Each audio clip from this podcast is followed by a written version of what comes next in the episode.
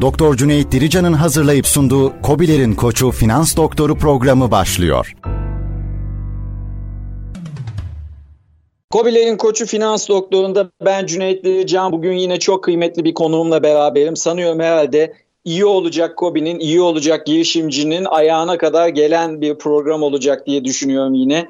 E, bugün fon bulucunun genel müdürü, CEO'su Hakan Yıldız bizlerle birlikte olacak. E, sanıyorum herhalde birçok girişimcinin merak ettiği kısım ya parayı nereden bulacağız? Sermayeyi nasıl oluşturacağız sorusunun cevabını fazlasıyla bulacağımız bir program diye düşünüyorum. Ben e, açıkçası bu tarz cesur girişimleri de bizzat fon bulucu gibi cesur girişimcileri de hani çok seviyorum, destekliyorum ve önemsiyorum. Çünkü e, o malum hani Kobi ekosisteminde, girişimci ekosisteminde o parlak fikirlerin bir şekilde masada veya da raflarda kalmaması veya da sırf sermaye bulamadığı için hayata geçememesi hepimiz için aslında bir milli servet kaybı. Dolayısıyla e, bu anlamda önemsiyorum. E, Hakan Bey şu anda mikrofonun diğer ucunda bizlerle birlikte. Hakan Bey hoş geldiniz. Cüneyt Bey hoş buldum. Harika bir giriş oldu aslında. Girişimciliği biz tarif ederken cesareti muhakkak vurguluyoruz. O yüzden e, bu giriş için de teşekkür ederim. Hoş buldum. Ben teşekkür ederim. E, şimdi e, fon bulucuyu da tanıyacağız ama önce bir Hakan Bey kimdi onu tanıyalım. Hakan Yıldız e, iş hayatına nasıl atıldı, nasıl girişimci oldu, beyaz yakalı mıydı, mavi yakalı mıydı veya da Hakan Yıldız hangi okullarda okuldu? E, sanıyorum herhalde birçok girişimciye de ilham olacak bir hayat hikayesidir. Şöyle bir etraflıca sizi tanıyarak başlayabiliriz. Tabii ki teşekkür ederim. Aslında o saydığınız bütün yakalarım oldu diyebilirim. Ee, ben 16 yaşında girişimciliğe başladım. O 16 yaşında başladığım girişimciliğin de gerçekten bir girişim olduğunu 23 yaşında fark ettim bu arada. E, büyüdüğüm coğrafya e, özellikle ticaret kaslarının e, güçlü olduğu, güçlü şekilde geliştirildiği bir coğrafyaydı. E, 23 yaşında da ilk şirketimi kurdum. E, önce turizm otel işletmeciliği bölümünü bitirdim. Daha sonra da işletme okudum. Ama hayata biraz erken başladım diyebilirim. E, çünkü o içimdeki girişimcilik ruhu birçok kişinin de benimle empati kurabileceği şekilde hep vardı. 2000 3 yılına kadar kendi işlerimle uğraştım. Mümkün olduğunca niş alanları arayıp oralarda faaliyet göstermeye çalıştım. Fakat 2003 yılında benim bütün iş hayatımda bir kırılım oldu. O da kamuya geçişimdi. Kamudan bir davet aldım. 7 yıl Özelleştirme İdaresi Başkanlığı'nda görev aldım. Daha sonra da bir 7 yılda Enerji Bakanlığı'nda, 14 yılda kamu görevleri yürüttüm. 2016 Nisan ayında ayrıldım ve hep hayalim olan aslında girişim finansmanının çözümüne yönelik çalışmalar yapmak istemiştim. Nasip oldu 2016'da aslında başladık işte 7 yıla yakın bir süreç içerisinde hem regülasyonun çıkarılması Türkiye'de kitle fonlaması ile ilgili hem e, bu e, işlemlerin, faaliyetlerin yürütülmesiyle ilgili çok güzel bir noktaya geldik. Şu anda da girişimleri finansmanını yapıyoruz. Tabii bu süreç içerisinde e, birçok STK'da da yer aldım Türkiye'de. Yeni kurulan özellikle de e, sağlık alanındaki STK'larda görev aldım. Birleşmiş Milletler Kalkınma Programı'nın e, dünyadaki seçilmiş crowdfunding advisor olarak görev yapıyorum şu anda aynı zamanda. Tabii bir melek yatırımcı ağımız var, Reinvest Angels. Onun başkanlığını yürütüyorum. 300'ün üzerinde melek yatırımcımız var orada. Bir girişim sermayesi yatırım fonumuz var. Onu yönetiyorum bir taraftan da. Tabii ki girişimcileri finansmana eriştirmek için de amacımız olan kitle fonlamasını Türkiye'de yerleştirmeye, tanıtmaya, bunun bir sermaye piyasası aracı olduğunu, bunun bir yatırım aracı olduğunu, yeni nesil bir araç olduğunu her mecrada anlatmaya çalışıyoruz efendim. Valla süper çok sağ olun. Şimdi e, bu vesileyle sizi tanımış olduk. Hani bir sürü soru var. Onları sırayla soracağım. Hani şöyle biraz gaz toz bulutu seviyesine de gideceğiz diye tahmin ediyorum. Hani melek yatırımcı nedir, girişim sermayesi nedir veyahut da kitle fonlaması nedir hepsini soracağım ama e, bir öncelikle isterseniz hani fon bulucuyu tanıyalım. Sizin başında olduğunuz melek yatırımcılık ağını e, isterseniz bir tanıyalım. E, dolayısıyla oralardan bir hani isterseniz şöyle e, bizi şu anda bağlanıp da dinleyenler varsa şayet oralardan da bir bilgilendirelim. Sonra da yavaş yavaş kavramlara girelim isterseniz. Tabii ki memnuniyetle. Fon bulucu aslında biz şöyle tanımlıyoruz. Yatırım ve fonlama merkezi diye kısaca anlatıyoruz. Adı üstünde biz fon buluyoruz. Bu fonu bulurken bir tarafta yatırımcılar, diğer tarafta finansmana ihtiyacı olan girişimciler yer alıyor. Bunları doğru şekilde bir araya getiriyoruz. Tabii arkada çok ciddi ve çok bence de başarılı bir regülasyon var. Sermaye Piyasası Kurulu 2017'de önce yasayı çıkardı. Sermaye Piyasası Kanunu'na birkaç madde ilave ederek. Daha sonra 2019'da tebliği yayınladı. 2021'de de tebliği düzeltti aslında. Daha da geliştirdi. Tabii bunlar Türkiye'de bu işin geliştirilmesi için yapılan çalışmalardı. Biz de buna 2021 Ağustos ayında lisans müracaatımızı yaptık SPK'ya. Çünkü 6 yıllık çok yoğun bir çalışmamız vardı. Bu çalışmanın devamında da 8 aylık bir lisans inceleme dönemi oldu.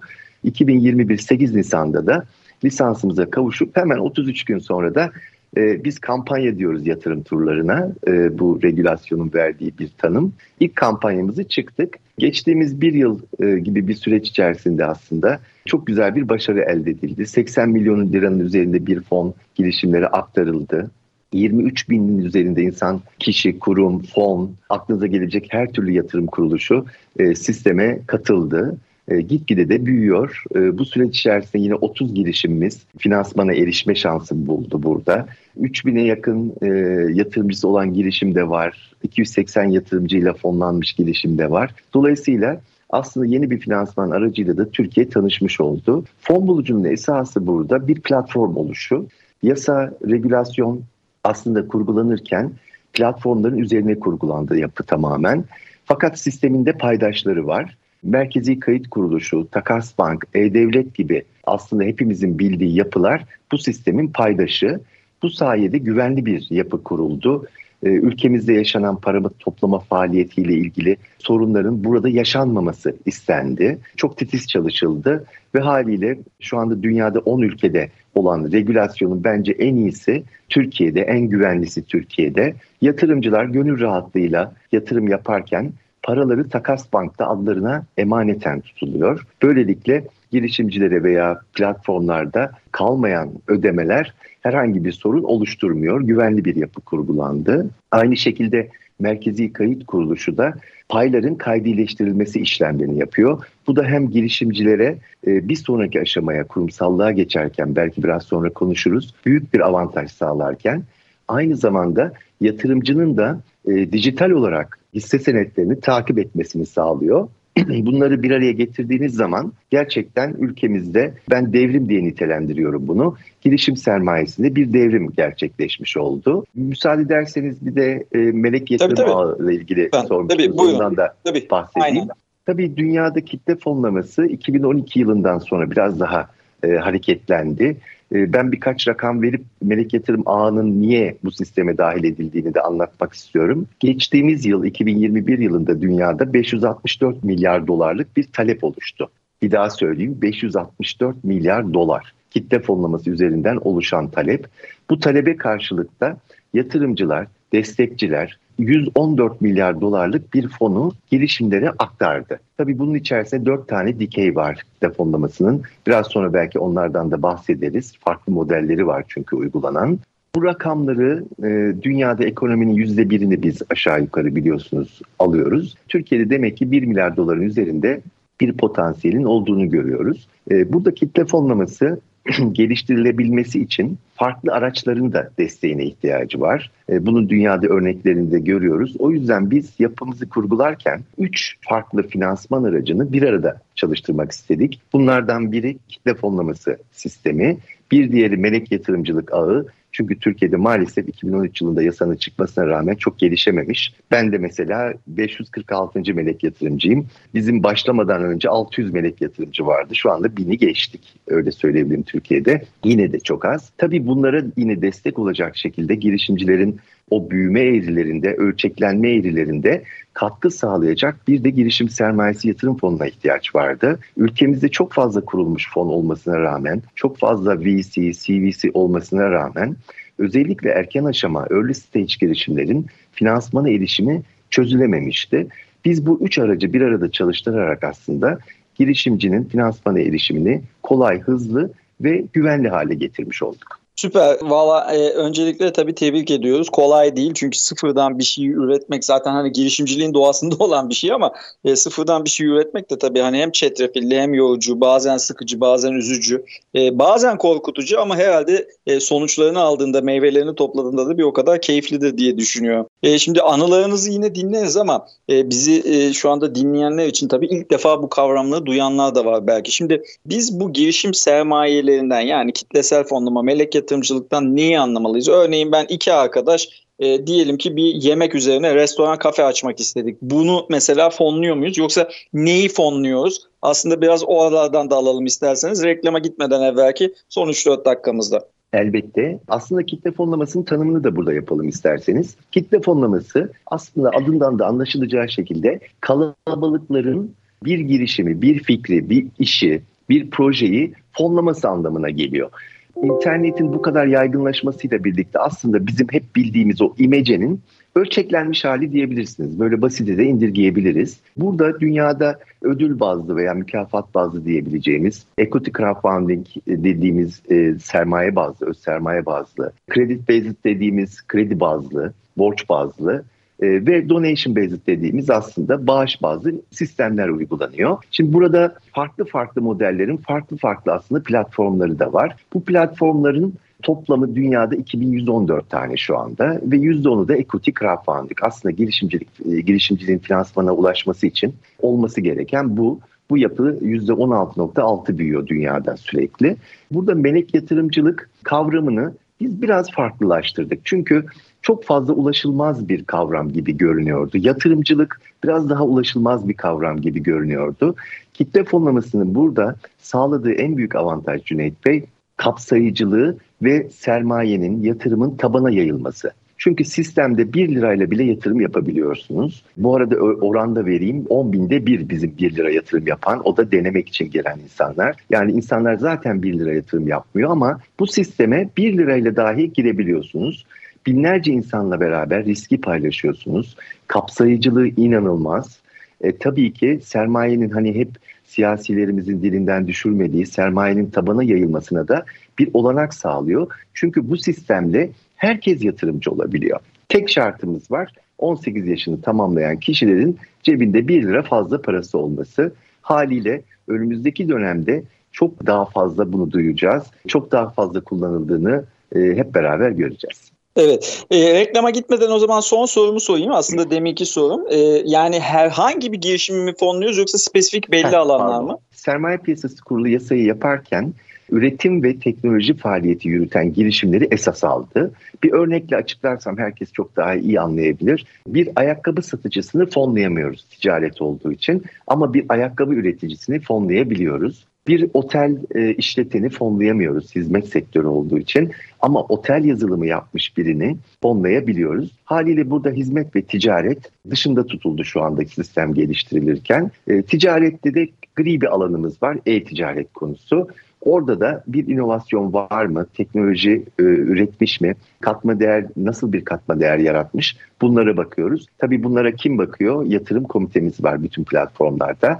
Onlar çok inceleyip sık dokuyor ki girişimleri yatırımcılarla buluştursun. Anladım. Yani e, özetlersek benim anladığım hani sıfırdan kapıdan geçen bir insan olarak benim anladığımı söyleyeyim. Siz bana hani sonuç olarak evet hayır yok Cüneyt anlamamışsın diye hani isterseniz teyit edin. Yani Türkiye'nin ekonomik önceliklerinde üretimi, teknolojiyi, yaratıcılığı, inovasyonu yani sıfırdan ortaya bir şey koyan ve üreten katma değer sağlayan girişimleri %99.9 olasılıkla yatırım komitesinden onay aldığınızı ve fonladığınızı hani ifade ediyorsunuz. Doğru mu anladım? Doğru anlamışsınız. Burada sadece küçük bir ilave. Girişimlerin bu sistemde yaptıkları iş bir pay arzı. Aslında bir IPO yapıyorlar. Bu IPO'nun da tabii ki kuralları var. Çok net olarak çizilmiş. Girişimcilerin bu hazırlık tünelinden geçip hazırlanması gerekiyor ki yatırım komitesi tarafından kabul edilebilsinler. Süper. Onu da ikinci bölümde konuşalım isterseniz. Şimdi bir reklam molasına gidelim. Evet, fon bulucu CEO'su Hakan Yıldız'la birlikteyiz. Bizden ayrılmayın hemen geliyoruz. Üretim, yatırım, ihracat. Üreten Türkiye'nin radyosu Endüstri Radyo sizin bulunduğunuz her yerde. Endüstri Radyo'yu arabada, bilgisayarda ve cep telefonunuzdan her yerde dinleyebilirsiniz. Endüstriradyo.com Fon bulacak girişimcinin radyosuna kadar gelen programda Kobilerin koçu finans doktorunda bir Kobi koç, bir patron koç, bir esnaf koç olarak yasal markalarımla da bu arada araya kendi reklamımı da koymuş olayım. Herhalde 110'a e, yaklaşan ve 110 farklı konukla bugüne kadar program yapmış 2 senedir. Ve bu sayede de Endüstri Radyo'nun aynı zamanda ve benim de ilk Ekonomi Gazetecileri Derneği'nden almış olduğumuz en iyi ekonomi programı ödülü 2021 yılında. E, araya bu reklamı da koymuş olarak da e, şimdi e, Hakan Bey ile konuşmaya devam edelim. Madem girişimlerden bahsediyoruz değil mi? İşin markalaşma, patentleşme kısmı da sanıyorum oraya da değinirsiniz kurumsallaşmayla birlikte diye düşünüyorum Hakan Bey. Hani oraya da bir hatırlatma koymamız lazım. Çünkü girişimlerde özellikle girişimcinin dünyasında e, çok kıymetli bir yer arz ediyor. Hem e, harçlığı, ödemeleri, maliyetleri açısından hem de e, sahip olduğu, ortaya çıkardığı fikri koruyabilmesi açısından. E, bu anlamda fon bulucunun bir katma değeri veyahut da sunduğu bir hizmet var mı yoksa onları arka tarafta girişimcinin kendisi mi yapması gerekiyor? Hemen oradan başlayalım isterseniz Hakan Bey. Tabii çok çok önemli şeyler söylediniz bu arada Cüneyt Bey. E, bunlar gerçekten bir girişimcinin e, bazen çok geç düşündüğü, bazen geç kaldığı konular. Biz tabii e, girişimciler bize başvurduklarında bir hazırlık tüneli var. Bu 3 ay ile 6 ay arasında sürüyor. Kendilerini e, aslında ben hep söylüyorum kendilerini yeniden keşfediyor girişimciler. Eksikliklerini görüyor aslında planlamalarının hatalı olduğunu görüyor. Hatta hazırlık e, tünelinde pivot eden girişimler var. Yani bir başka ürüne dönüşüyor aslında bizimle beraber çalıştıkları zaman. Biz onlara e, başvurudan e, itibaren bir danışmanlık hizmeti vermeye başlıyoruz. Kendi iştiraklerimiz olan kuruluşlar var. Önce eğitimle başlıyor tabii ki her şey bizde. Bir girişimcilik eğitimi alıyorlar. Neyin içine girdiler? Sonuçta neyle karşılaşacaklar? Bu süreç nasıl yürütülecek? Bununla ilgili bazı eğitimler veriyoruz onlara herhangi bir ücret almadan. Bu eğitimlerin devamında da uzmanlarımızla her bir bölüm olarak çalışmaya başlıyorlar. Çünkü bizim 10 bölümden oluşan bir form yapımız var. Bunların tamamı dijital. Bu formları doldurabilmek için girişimcinin e, bu eğitimleri de alması gerekiyor. Bu destekleri alması gerekiyor ama bazen teknoparklardan özellikle kuluçka merkezlerinden gelen girişimcilerin birçoğu iş planıyla, finansal planlamasıyla gelebiliyor. SWOT analizlerini yapmış oluyorlar. Aynı şekilde hedef kitle, pazar analizlerini yapmış olarak gelen girişimlerimiz de var. Onlar daha hızlı ilerleyebiliyorlar. Ama Girişimci gerçekten bu tünele girdikten sonra kendisini yeniden keşfediyor. Eğer bir de fonlamayı başarırsa ve bu para kendisine aktarılırsa yine mevzuattan gelen bazı yükümlülükler onu kurumsallaşmaya doğru itiyor. Bunu şöyle bir benzetmeyle anlatabilirim size. İlk halka arzını yapan bir şirket hayal edin. E, Borsa İstanbul'a gitmiş. Ondan sonraki süreçte nasıl şeffaflaşma, nasıl denetim sistemleri kurgulanıyorsa sakın girişimcilerin bu arada gözleri korkmasın. Aynı sistemler bizde de var ama daha soft. Sermaye Piyasası Kurulu burada girişimcileri çok zorlayıp maliyetlerini artırmak istemedi. Ama kurguyu aynen bu şekilde düşünebilirsiniz. Haliyle girişimci artık yönetilebilir, artık e, planlanabilir, artık hedeflerine ulaşabilir bir yapıya kavuşuyor. Bence sadece bu anlamda bile kitle fonlaması sistemi büyük bir fayda sağlıyor girişimcilere. Şimdi e, aslında e, güzel bir yerden girdiniz. Şimdi benim tabii kafamda böyle benim de hakim olmadığım bir sürü soru var. Yani kısmen vakıf olduğumu düşündüğüm. E, şimdi ben bir üniversitede hocayım haliyle. Bizde teknoloji transfer ofisi var. Bizde de bir girişim kuluçka merkezi var. Keza bir sürü üniversitede ve onun dışında da örneğin belediyelerimizde vesairelerinde hani sponsor olduğu ya da e, fonların hani bir şekilde oluşturduğu kuluçka merkezleri de var. Şimdi e, benim deneyimimde şu oldu. Tabii siz benden daha deneyimlisiniz. Ama bildiğim kadarıyla kuluçka merkezlerinde çok güzel projeler üretilebiliyor. Sizin dediğiniz gibi işte mentörlükle ama üniversite hocalığı ama dışarıdan mentörlerle o yatırımcının fikirleri bir şekilde e, aslında satılabilir veya da hayata geçebilir noktaya doğru evriltiliyor. E, bir şekilde yönlendiriliyor.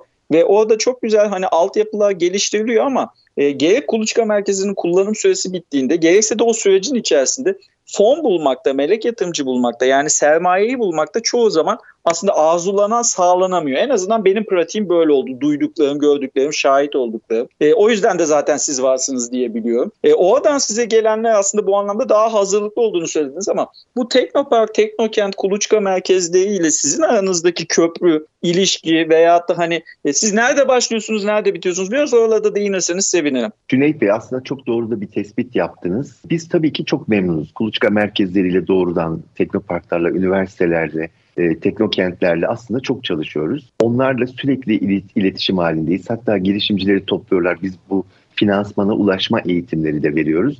Ama burada belki küçük bir eleştiri de yaparsam fayda sağlayabilirim diye düşünüyorum. Bu söylediğiniz kuruluşlardan gelen girişimler her ne kadar her türlü e, çalışmalarını yapmış olsalar bile ticarileşme boyutunda maalesef çok ilerlemiş olmuyorlar. Biz ticarileşme e, konusuna çok farklı bir yaklaşım getiriyoruz. Çünkü finansmana erişim tamam sorun, tamam maliyetli. Bunu bir şekilde çözdük. E, finansmana kolay ulaştırıyoruz ama işin sonunda bu girişimlere yatırım yapanların kazanç elde etmesi gerekiyor. Sürdürülebilirlik için de bu kazançların doğru şekilde elde edilmesi gerekiyor. E, yatırımcının da zaten beklentisi bu noktada. Çünkü biz yatırımcıyla girişimciyi bir araya getiriyoruz. Bu sosyal bir fayda her ne kadar sağlasa da buradaki ana motivasyon kazanç sağlamak. Haliyle biz ticarileşme boyutunda birçok girişimi doğru planlanmamış olarak görüyoruz girişimleri. E, buna doğrudan müdahale ediyoruz. Belki de en büyük faydayı burada sağlıyor olabiliriz kuluçka merkezinden, teknoparklardan çıkan girişimlere. Çünkü para yönetimi, aynı şekilde girişimlerin e, teknik olmasından kaynaklı ticarileşmeye yaklaşımları maalesef çok olumlu değil. Daha doğrusu belki burada cümleyi düzeltmekte fayda var. Girişimlerin çoğu teknik insanlardan oluşuyor. Ekiplerine işletmeci, iktisatçı pek dahil etmiyorlar. Bu da ister istemez o işletme yönetimi konusunda zayıflıklara sebep oluyor. Biz e, başvuranlara ilk söylediğimiz bu aslında. Muhakkak takımınızda finansal okuryazarlığı olan işletme veya iktisat mezunu insanlar olsun diye. Çünkü sürekli teknik teknik ilerleyerek sizin ticarileşmeniz mümkün değil. İlk müdahalemiz orada oluyor. Tabii her ne kadar teknik olsa da e, lider girişimciye farklı eğitimler de vermek zorunda kalıyoruz. Hiç hedef kitle analizini yapmamış veya doğru yapmamış, hiç pazar analizini yapmamış veya yapsa da doğru yapmamış girişimlerle de karşılaşıyoruz. Burada neyin içinde olduğunu çok iyi bilmesi gerekiyor girişimcinin. E, ister bir icat olsun, ister bir inovasyon olsun. Bunları yaparken hangi okyanusta olduğuna iyi bakması gerekiyor. Burada belki de e, sizin de hoşunuza gidebilecek, e, gülümsetecek bir şey söyleyeyim. Tutku burada bizim önümüzdeki en büyük engel. Çünkü girişimler çok büyük tutkuyla geliyorlar. O tutkuyu biraz kenara bırakmalarını istiyoruz açıkçası. Daha realist yaklaşmalarını istiyoruz. Ama sonuçta başarılı oluyorlar. Şu anda 2200'ün üzerinde girişimci başvurusu aldık tüm Türkiye'den. Hatta yurt dışından da başvurular var. Bunlardan yaklaşık 140 tanesi bu tüneli geçmeyi başardı. 40 tanesi e, yatırımcıyla buluştu. 30 tanesi fonlandı. Diğerleri de devam ediyor. Bunların içerisinde sadece 5 tane girişimimiz finansmana erişemedi, yatırımcıyı ikna edemedi. Buraya kadar bunları söyleyebilirim. Allah süper. Aslında baktığınız zaman şimdi 2200'de yaklaşık 30 tane fon bulduğunuz zaman kabaca 70'te bir girişim aslında parayı bulmuş demek bu. Şimdi bu rakam tabii bizi dinleyenler için e, belki ilk aşamada ya çok düşmüş canım bu kadar uğraştığımıza değer mi gibi gözükse de eski bankacı kimliğimle ve Kobi bankacılığı pazarlama müdürlüğü yapmış e, kimliğimle isterseniz hani söyleyeyim hani Türkiye'nin en büyük esnaf veya da ticari kredi kartları programında yönetmiş birisi olarak işletmeler parayı bulmakta özellikle bu paranın bol olduğu parasal genişleme döneminde özellikle küçük işletmeler ve yatırımcılar, girişimciler için çok kolay olmuyor. Bulsalar da maliyetli oluyor. Kaldı ki dünya pratiğinde de şöyle bir gerçek var. Zaten sizlerin varlık sebebi de aslında o yüzden çok kıymetli ve önemli ve lazım diye e, düşünüyorum. O da şu, iki yıldan evvel herhangi bir işletmenin e, finansalları sağlıklı bir sonuç vermediği için yani bilançosu gelir tablosu veya da hani nakit akışlarından hareketle bir karar veremediği için kreditör mekanizmalar yani burada bankaları kastediyor. Genelde yeni kurulan işletmeleri veya da kurulmak istenen işletmelere kredi çıkmıyor. Yani sermaye açığını sizin bankacılıkta sağlamanız mümkün değil. E dönüyor sermaye piyasası tarafına. Sermaye piyasasında halka arz edilmeniz için malum e, son 3 yılda kar etmeniz gerekiyor vesaire vesaire gibi bir sürü kriter var. E o zaman oradan da parayı bulamıyorsunuz. Parayı bir yerden bulmanız lazım. İşte o zaman siz devreye giriyorsunuz. Sanıyorum herhalde o yüzden doğru ifade edebildiysem çok anlamlı. Sermaye piyasası aslında bu anlamda girişimciye daha fikir aşamasında fon bulmasına yardımcı oluyor. O yüzden 70'te bir belki sizin özelinizde hani küçük bir rakammış gibi gözükürken aslında ne kadar büyük ve kıymetli bir rakam olduğunu sanıyorum e, ifade edebildim diye düşünüyorum. Peki ben bir girişimciyim, geldim. Hangi aşamalardan geçmem gerekiyor? Sizin sitenizde ne yapmam gerekiyor? Size nasıl başvurmam gerekiyor? Bir doküman var mı? Bir hani zorunluluk var mı? Bir şekil şart var mı? Onlardan da biraz bahsedersek e, reklama gitmemize şöyle bir 6-7 dakikamız var. Şöyle etraflıca bir öğrenelim. Fon bulucu da hani biz iş yapmak istersek e, isterseniz yatırımcı tarafını da aktarabilirsiniz. Girişimci ve yatırımcı ne yapması gerekiyor? Tabii biliyorsunuz e, teknolojinin gelişmesiyle birçok şeyi kolaylaştırmanız gerekiyor. Bizim sistemimizin %97'si dijital. Yani bu konuda da ukalalık yapabiliyoruz aslında. Tabii bu sistem kurgulanırken tek başımıza e, hareket etmedik. Merkezi Kayıt Kuruluşu, Takas Bank, la beraber aslında geliştirildi sistem. Bütün sistem dijital olarak birbirine bağlı. Haliyle başvurular da dijital. İster girişimci ister yatırımcı olun. Fonbulucu.com'a girip aslında doğru platforma seçiyorsunuz. Çünkü Türkiye'de kitle fonlaması iki e, eksende aslında regüle edildi. Biri paya dayalı kitle fonlaması, paylarını satabildiği girişimcinin. Diğeri de borçlanmaya dayalı kitle fonlaması. Haliyle şu anda uygulaması henüz başlamadı borçlanmaya dayalının ama doğru platformu seçerek başlıyor girişimci veya yatırımcı. Burada iki dakika içerisinde en fazla iki dakika e, bazı e, yatırımcılarımızın rekorları da var daha kısa sürede. iki dakikada sisteme dahil olabiliyorsunuz. E-posta ve cep telefonu doğrulamayla başlıyoruz. Daha sonra e-devlet doğrulaması var. Bu bizim için çok kritik bir nokta. Çünkü e-devletle ister yatırımcı ister girişimci kendini doğruladıktan sonra tüm süreçlerde ister yatırım olsun ister girişimcinin kampanyasını hazırlama sürecinde olsun artık imza, kağıt, noter, ticaret sicil bu işlemlerin hiçbirine ihtiyaç kalmıyor. Çünkü tüm sistem e-devlette doğrulanmış kişiyi, şirketi veya fonu tanıyor. Sonraki aşamada e, yatırımcıysanız yatırımcı kaydına sadece doğum tarihinizi ilave ediyorsunuz ve artık yatırımcısınız. İstediğiniz girişime, istediğiniz tutarda ister kredi kartıyla ister EFT yaparak takas banka yatırım yapabiliyorsunuz. Bu kadar kolay yatırımcılık orada. Mobil uygulamanız da var bu arada. Mobil uygulamadan da aynı işlemler gerçekleşebiliyor. Girişimci tarafında girişimci eğer e, şirketse, şirketi yoksa veya limited şirketse Üç farklı uygulamamız var. Buradan da anlaşılacağı gibi aslında bir girişimcinin şirketini kurmadan da bize başvurabiliyor. Mevzuatımız bu noktada büyük bir jest yaptı girişimcilere. Fonlama başarılı olursa şirketi kurmak için ona 90 gün süre veriyoruz ki çok rahatlıkla 10-15 e, gün içerisinde kurulabiliyor şirketler. Bu büyük bir avantaj. Herhangi bir masrafa girmeden girişimci aslında kendisini burada test etmiş olabiliyor girişimini.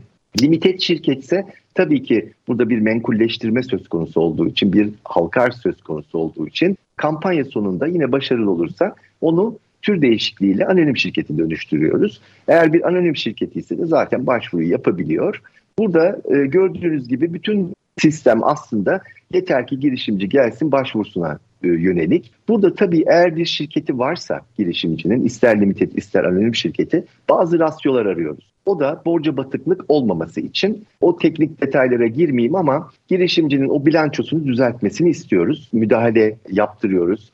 Eğer ortaklar hesabını çok çalıştığımızda genelde bu oluyor. Siz de daha iyi bilirsiniz bankacı olarak. Oralarda bazı müdahaleler istiyoruz. Haliyle yatırımcının karşısına çıkarken temiz bir bilançoyla çıkmasını istiyoruz şirketi varsa.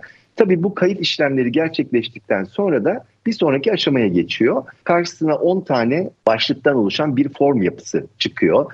İşte girişimini aslında kendisini, takımını, pazarını, hedef kitlesini ifade etmesini istiyoruz. Çünkü bu bilgiler bir izahnameye dönüşüyor. Biz ona kampanya bilgi formu diyoruz bu yapıda. 60-70 sayfalık izahnamelere dönüşüyor. Aynı zamanda da görsel olarak da girişimini anlatması gerekiyor. Bir video çektiriyoruz. E, bu video konusunda da yardımcı oluyoruz. Bizim sadece girişimcilik özelinde çalışan bir ajansımız var. Kendi kurduğumuz, e, iştirak ettiğimiz daha doğrusu. Haliyle onlar yardımcı oluyor bu görsel konularda ve 2-3 aylık süreçler alabildiği gibi bu anlattıklarım 11 günde hazırlanan girişimci de var. Dolayısıyla burada girişimcinin performansı her şeyi belirliyor. Tabii burada çok önemli 3 konuyu da belirtmem gerekiyor vaktim varsa. O da şu, girişimci bize geldiğinde ne kadar finansmana ihtiyacı olduğunu çok iyi belirlemesi gerekiyor. Bu finansman karşılığında şirketinin veya kuracağı şirketin ne kadarlık bir payından vazgeçeceğini belirlemesi gerekiyor.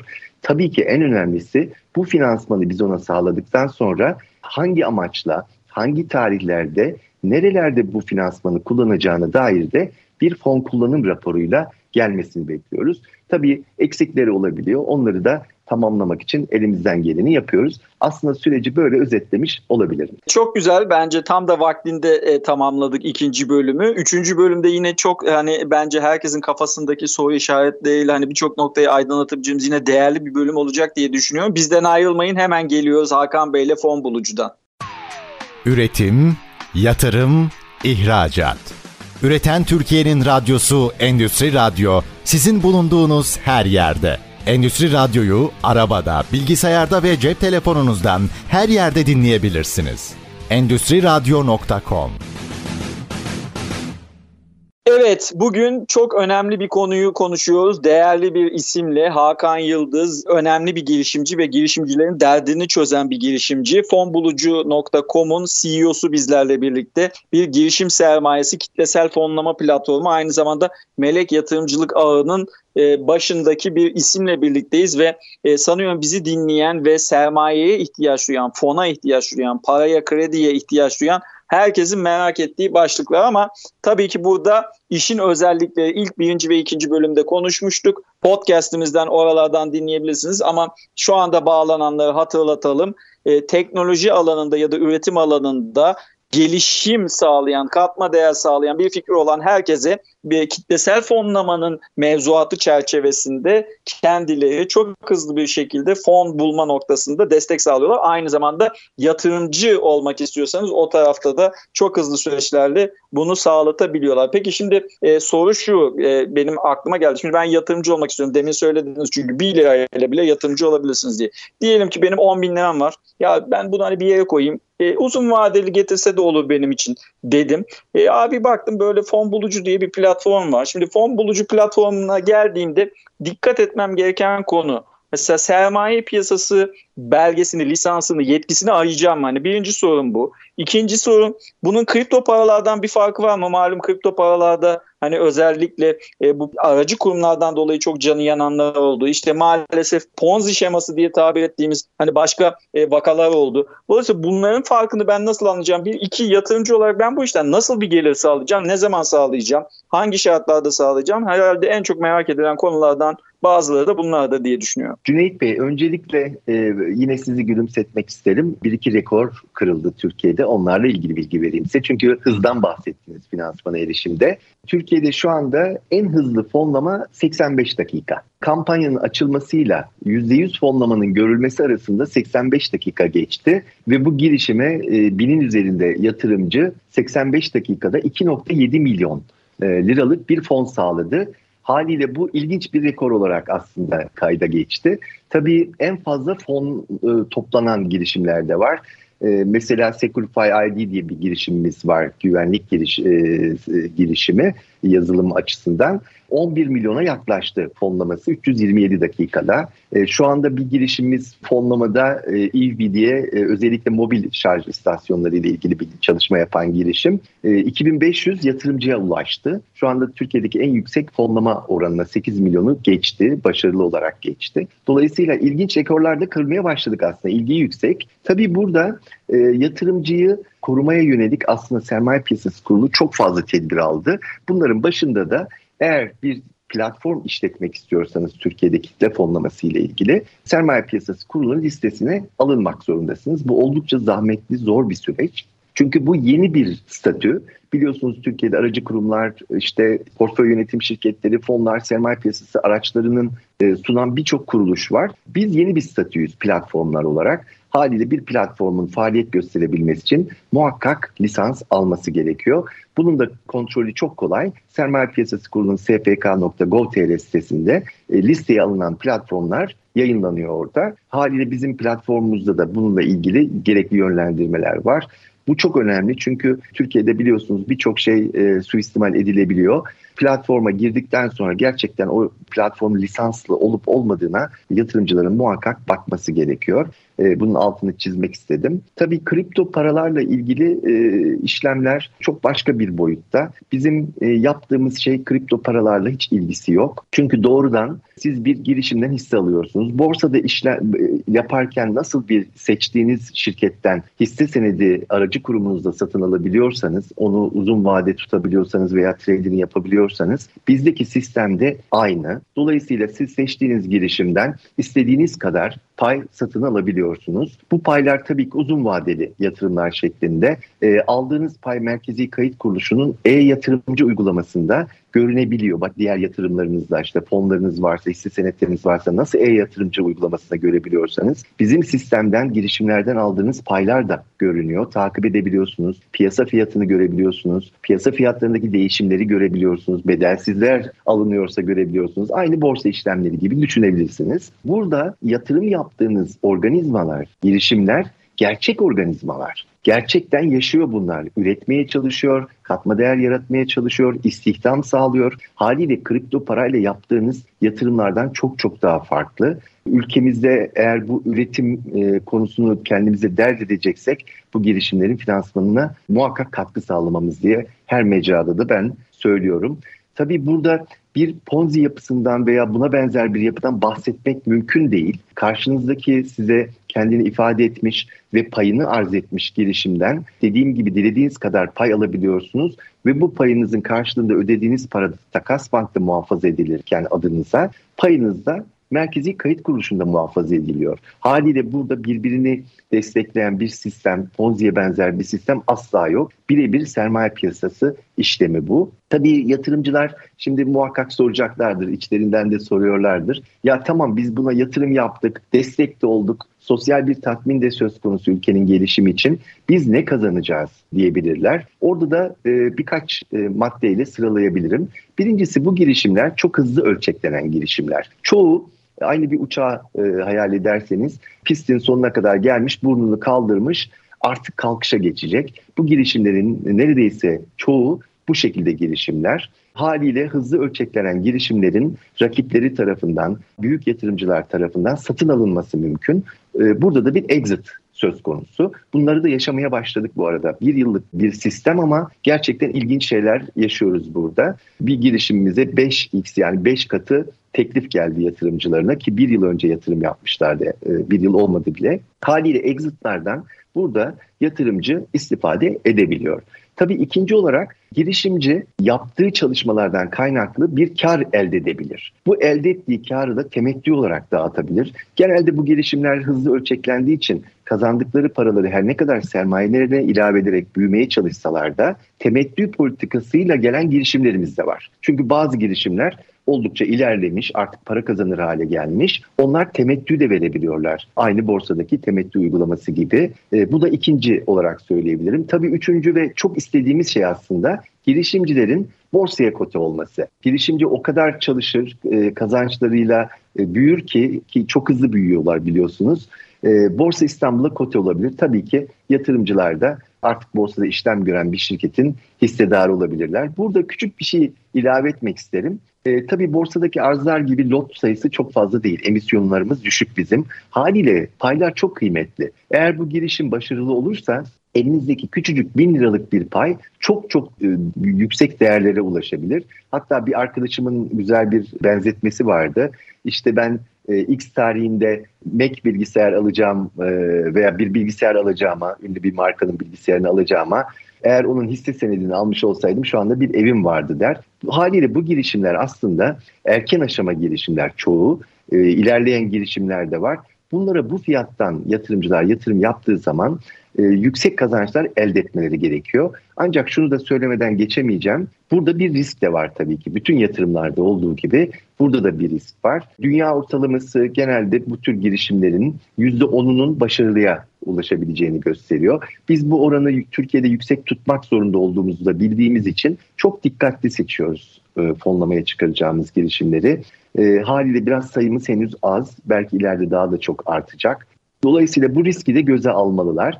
E, likiditesi düşük e, haliyle yaptıkları yatırımın hızlı şekilde nakde dönüştüremeyebilirler. Bu riski de göze almaları gerekiyor. Ama bununla ilgili de Sermaye Piyasası Kurulu e, bu payları almak ve satmak isteyenlerin iletişimini sağlayacağımız şekilde bize bir yetki verdi. Bu yetkiyi kullanarak da bir platform hazırlıyoruz şu anda. Nakit ihtiyacı olanların bu payları satabilecekleri hatta satanların satanlardan da alabilecekleri bir platformda yakında kavuşacağız. Haliyle ikinci bir işlemden yani ikinci işlem pazarı demeyeceğim artık ona ama başka kelime bulamadım. İkinci işlem pazarından da bahsediyoruz. Bu da ilginç olacak. E, dünyada da ikinci işlem pazarları neredeyse yok gelişimcilik ekosisteminde. E, haliyle gelir kısmından da e, bu şekilde istifade edebilirler. Ama her durumda uzun vadeli yatırım yaptıklarını, bu girişimlerin 3 ila 7 yıl arasında ölçeklenme ölçeklenmeleri söz konusu olacağını unutmamaları gerekiyor yatırım yaparken. Kesinlikle aslında zaten sermaye piyasasının özündeki konu da budur yani sermaye piyasası normalde hani al sattan değil temettü gelirinden aslında yatırımcının bir gelir beklemesi gereken bir yapı olarak hani bir fikir olarak ortaya çıkmıştır. Dünya tarihi boyunca ya da dünya örneklerinde de bu şekildedir ama bizde tabii genelde o alım satımdan kaynaklı o arbitrajdan veya da fiyat farklarından spread'den dolayı hani e, daha çok dikkat çekiyor borsa ama e, sizin şu anda yapmış olduğunuz bu girişim sermayesi platformu üzerinden yatırımlar aynen sizin belirttiğiniz gibi uzun vadeli yatırımlar. Dolayısıyla önce temettüyü sonrasında da o 3 ila 7 yıl ortalama bir hani yatırımın geri dönüş süresindeki o hani değer şirketin değerine yönelik olarak kısmı dikkate almaları da fayda var ve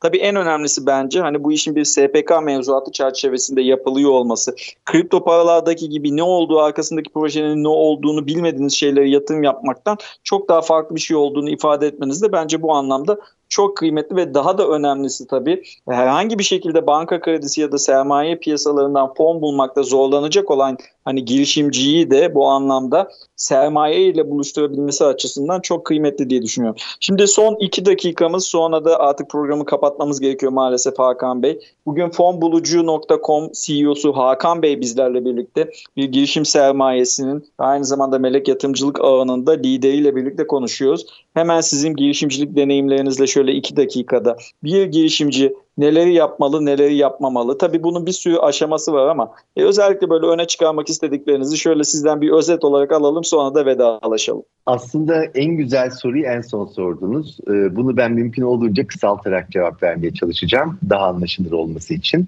Girişimci öncelikle yapması gerekenleri söyleyeyim. Tutkuyu bırakmamalı. Demin şikayet ettim ama tutku önemli. Çünkü gerçekten girişimine inanması, e, onun karşısındaki yatırımcıyı ikna etmesi açısından çok çok önemli. Ama bu tutkuyu yaparken de şimdi yapmaması gereken şeyi söyleyeceğim. Gözlerini kapatmamalı çok daha geniş açıdan bakmalı girişimine. Üç ana konuyu muhakkak çok iyi çalışmalı. Birincisi hedef kitle analizini çok iyi yapmalı. Bu ürünü ben kime satarım, niye satarımı çok çok iyi yapmalı. Tabii ki bulunduğu pazarın e, ne kadar büyük olduğunu, niş mi olduğunu, kırmızı mı, mavi okyanus mu olduğunu çok çok iyi çalışmalı. Çünkü bütün yapacağı stratejileri buna göre kurgulayacak. Bir de muhakkak ve muhakkak takımlarında finansal okuryazarlığı mümkünse yüksek kişilerin olmasını sağlamalı. Çünkü her konunun sonu girişimlerin e, sürdürülebilirliğinin sağlanması için finansa çıkıyor. Haliyle finansı iyi yönetebilecek, finansal projeksiyonunu planlamasını iyi yapabilecek şekilde ekibinde, takımında kişilerin olması çok kritik öneme sahip.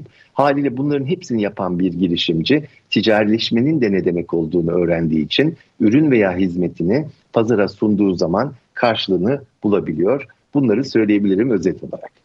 Evet Hakan Yıldız bugün bizlerle birlikteydi değerli dostlar. E, bence çok kıymetli programlardan bir tanesi oldu diye düşünüyorum. E, çünkü dünyanın da en büyük sorunlarından bir tanesi bu kadar para bolluğunda parayı nereden bulacağız sorusunun cevabı. Bugün o cevabı bulduk hep birlikte diye düşünüyorum. Fonbulucu.com, Fonbulucu'nun CEO'su e, Melek Yatırımcı aynı zamanda bir girişim sermayesi lideri ve bizzat bir girişimciyle birlikte konuştuk. Hakan Bey ağzınıza sağlık. Bizi kırmadınız. Çok teşekkür ediyoruz. Ben çok teşekkür ederim bu fırsat için. Umarım önümüzdeki dönemde girişimlerin finansmana erişmesi noktasında ülkemizde bu sistem çok daha fazla gelişir. Çünkü 2.1 milyon hatta daha fazla Borsa İstanbul'da insanın işlem yaptığını biliyoruz. Bu sistemleri de geliştirerek aslında girişimcilerin Borsa İstanbul'a açılacak seviyeye gelmelerine hep beraber sağlayarak o borsanın istediğimiz derinliği de derinliğe de kavuşabiliriz diye düşünüyorum. Çok çok teşekkür ederim fırsat için. Ben teşekkür ediyorum. Evet değerli dostlar önümüzdeki programlarda yine çok kıymetli konuklarla çok farklı konuları konuşmaya devam edeceğiz. Bizlerden ayrılmayın. Nerede? Endüstri Radyo'da finans doktorunda, Kobilerin koçunda, Kobi koç, patron koç, esnaf koçta bizle birlikte olmaya devam edin. Sağlıcakla kalın.